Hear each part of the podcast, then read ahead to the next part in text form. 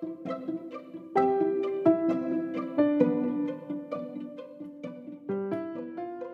fijn dat je weer luistert naar Boeken van Eigen Bodem, de podcast voor Boekminute Nederland en Vlaanderen.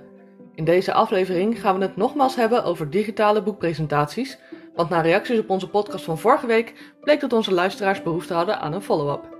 In deze aflevering geeft Marike Frankema daarom tips en uitleg voor het geven van een digitale boekpresentatie. Heel veel luisterplezier!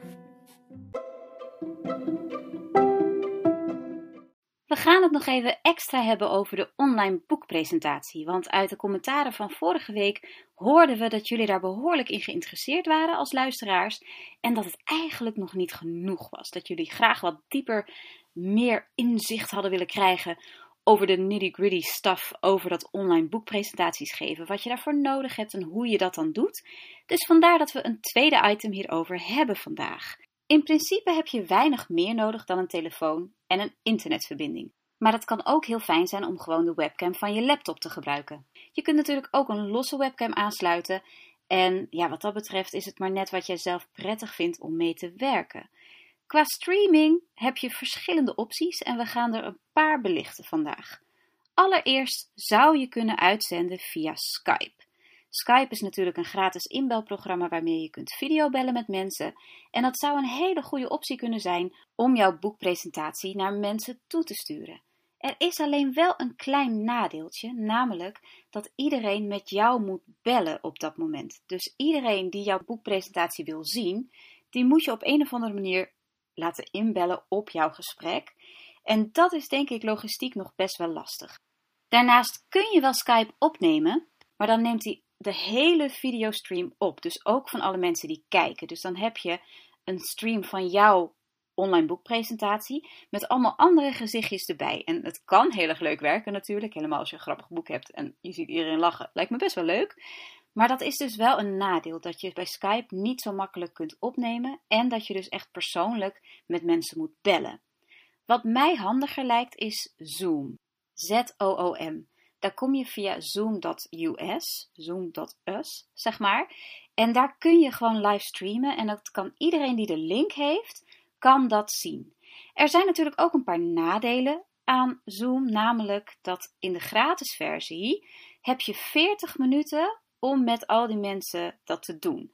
Dus stel je voor dat je 20 mensen hebt die jij de link hebt gegeven en ze komen allemaal opdagen, dan kun je maar maximaal 40 minuten streamen naar hun toe. De betaalde versie is onbeperkt, dan kun je streamen naar hoeveel mensen je wil, maar dat kost je dan wel een maandelijks bedrag van nou 13, 14 euro uit mijn hoofd. Maar dan kun je dus onbeperkt streamen. En het fijne van Zoom is dat je ook kunt opnemen en dat je kunt zorgen dat als jij de andere mensen mute, als jij zorgt dat alleen jij qua geluid te horen bent, ben jij ook als enige te zien. En dan kun je dus die hele presentatie behoorlijk makkelijk opnemen. En het allerfijnste is dat je zelfs kunt opnemen zonder publiek. Dus je kunt gewoon een hele online boekpresentatie maken vanuit je eigen woonkamertje en dat dan online zetten omdat je gewoon kunt opnemen, ongeacht of er iemand met jou in die Zoom-meeting zit of niet. En dat vind ik persoonlijk een super fijne handigheid, zeg maar, van Zoom. Dat je zo goed kunt opnemen en dat je dat best wel goed kunt besturen. En je kunt ook heel makkelijk je screen sharen. Dus op het moment dat jij filmpjes nog extra hebt, of dat je bijvoorbeeld mooie plaatjes erbij hebt, of je boekcover gewoon aan de achter, op de achtergrond wil, omdat je je eigen hoofd niet zo fijn vindt op een boekpresentatie, dan kun je dat met Zoom dus regelen. Ik zou wel dan aanbevelen dat je ook een programmaatje hebt voor wat editen. Want voordat je shared en voordat je precies alles zo hebt ingeregeld vanaf de share screen, dat het perfect in elkaar overloopt en zo, zou het kunnen zijn dat, dat je wat, wat, wat hobbeltjes hebt en dat je nog even wat klikjes moet doen hier en daar. Dus ik zou dan wel kijken of je ook kunt editen. Maar ik vind Zoom echt ongelooflijk handig en fijn om dus mensen te bereiken. En omdat je natuurlijk alleen een linkje nodig hebt, niet mensen persoonlijk hoeft te laten inbellen of zo, dat het verzenden van een link al voldoende is. Dat is iets wat mij heel erg aanspreekt. En ik hoorde wel dat Zoom een beetje onder vuur ligt omdat het niet veilig zou zijn en omdat de beveiliging hier en daar gaten zou laten vallen of zo. Maar ik neem een beetje aan dat bij de boekpresentatie ehm, je niet staatsgeheimen of zo deelt. Dus ik lijk, ja, het lijkt me niet dat je daar echt heel erg bang voor hoeft te zijn als je Zoom gebruikt. Dan hebben we natuurlijk ook Facebook en Instagram. Dat zijn natuurlijk enorm grote platforms waar bijna iedereen wel op zit. En daar heb je natuurlijk ook de mogelijkheid om live te gaan. Daar heb ik ook mee gewerkt, dus ik zal je even vertellen hoe het uit mijn ervaring is. Het kan best zijn dat jij een andere ervaring hebt of dat het met een, uh, een Chromebook of met een gewone Windows computer veel makkelijker gaat, maar ik heb een MacBook en daar loop ik nog wel eens tegen wat probleempjes aan en daar heb ik ook een manier omheen gevonden. Dus dat ga ik je even vertellen hoe ik dat zou aanpakken als ik op Facebook een online boekpresentatie zou houden. Op zich is live gaan op Facebook super makkelijk. Helemaal op elke telefoon kun je gewoon, als je een berichtje maakt, kun je ook kiezen voor live gaan. En bam, je bent live. Super fijn. Dat wordt ook gewoon bewaard op je pagina of op je persoonlijke profiel. Dus dat is heel erg fijn. Waar ik persoonlijk vaak tegen problemen aanloop, is dat ik het filmpje graag op meerdere plaatsen wil neerzetten. En ik kan het niet zo makkelijk downloaden. Dat kon eerst wel. Ik heb wel eerst lives kunnen downloaden en gewoon op mijn computer kunnen zetten. Maar de laatste tijd merk ik dat ik dat niet meer kan. En ik weet niet of dat dan aan mijn computer ligt of aan Safari ligt of waar het aan ligt. Maar ik vind het dus niet zo fijn wat dat betreft om Facebook Live te gebruiken, want ik kan het niet opslaan. En ik vind het heel fijn om op meerdere plaatsen te streamen.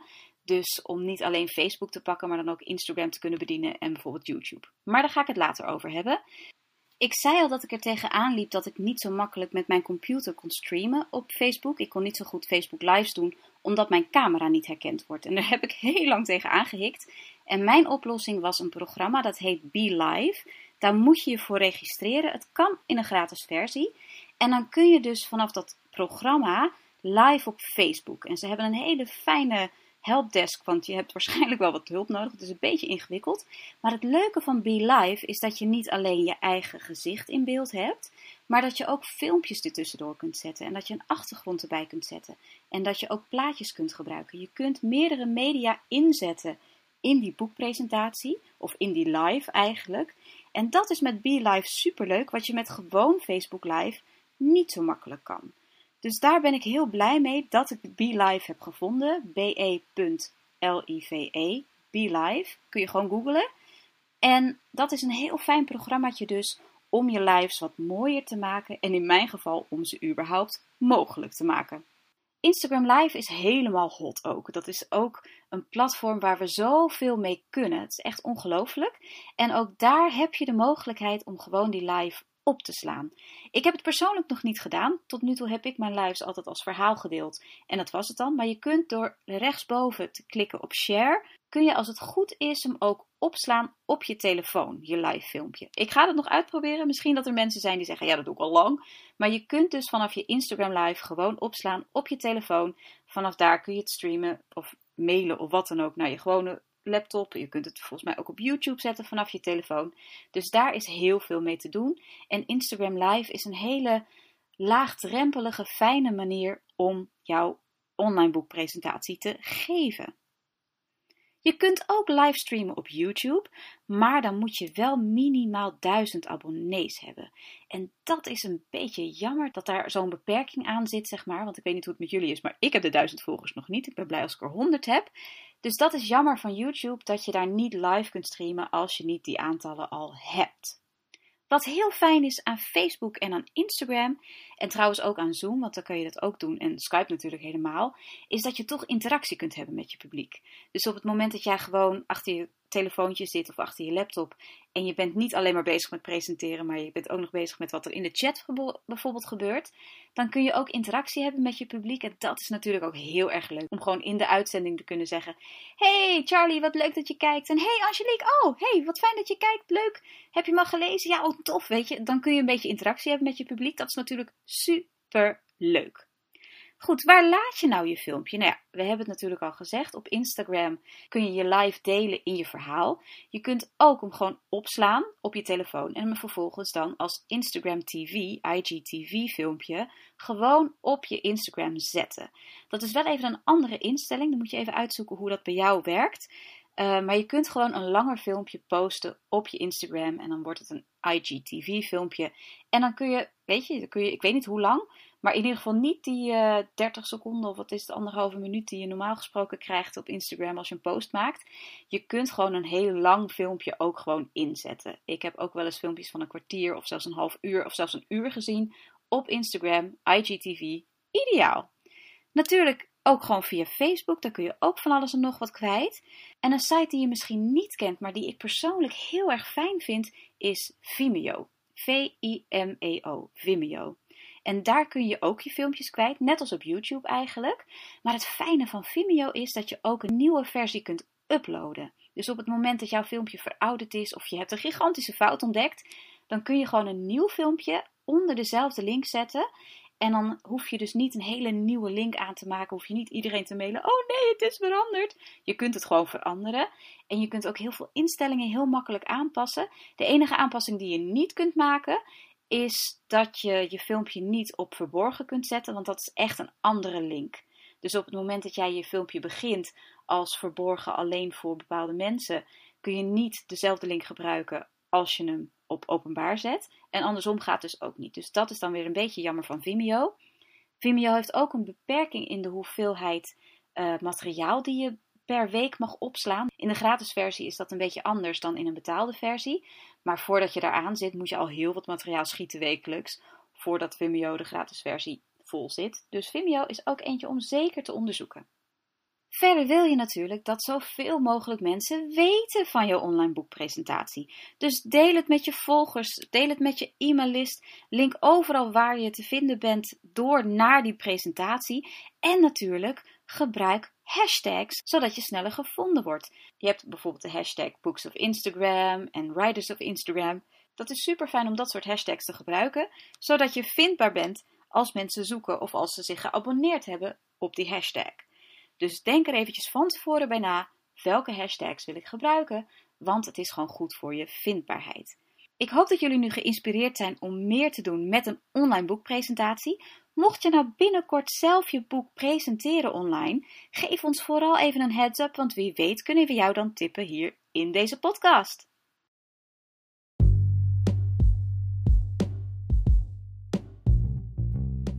Dan is het nu tijd voor ons wekelijkse boekennieuwsblok. Ook Vlaanderen is begonnen met een campagne om lezen tijdens de quarantainetijd te bevorderen. De ongetwijfeld ludiek bedoelde website met de naam verspreidhetleesvirus.be is een initiatief van Boek.be en de Vlaamse minister van Onderwijs. Met de lancering van het nieuwe leer- en leesplatform worden kinderen, jongeren en hun ouders in contact gebracht met lesmateriaal, leermiddelen, jeugdboeken en verschillende promotieacties. Zo zijn er onder andere boekenbonnen te winnen door mee te doen aan wedstrijden en kleurplaten te downloaden. Onder het credo Leef voorzichtig, lees heftig en koop en bestel lokaal juist nu, heeft boekwinkel Donner te Rotterdam een bestel- en afhaalloket geopend. Klanten kunnen daar terecht om bestellingen te plaatsen en af te halen. De boekwinkel hoopt met deze service klanditie aan te trekken voor de eigen boek- en webwinkel. De bekende boekenzaak had namelijk net, na een grootscheepse en deels gecrowdfunde kredingsactie, een rijksmonument aan de Koolsingel betrokken toen het de deuren moest sluiten wegens de crisis. Afgelopen donderdag werd bekendgemaakt dat een Nederlandse auteur is genomineerd voor de International Booker Prize Shortlist. Het betreft Marieke Lucas Reineveld met hun debuutroman De avond is ongemak, vertaald als The Discomfort of Evening. Het werk maakt kans op de grootste prijs voor in het Engels vertaalde literatuur, een bedrag van 50.000 pond, ongeveer 57.000 euro. Lucas Reineveld is de eerste Nederlandse auteur ooit op de shortlist. Tommy Wieringa en Harry Moelis kwamen ooit niet verder dan de longlist.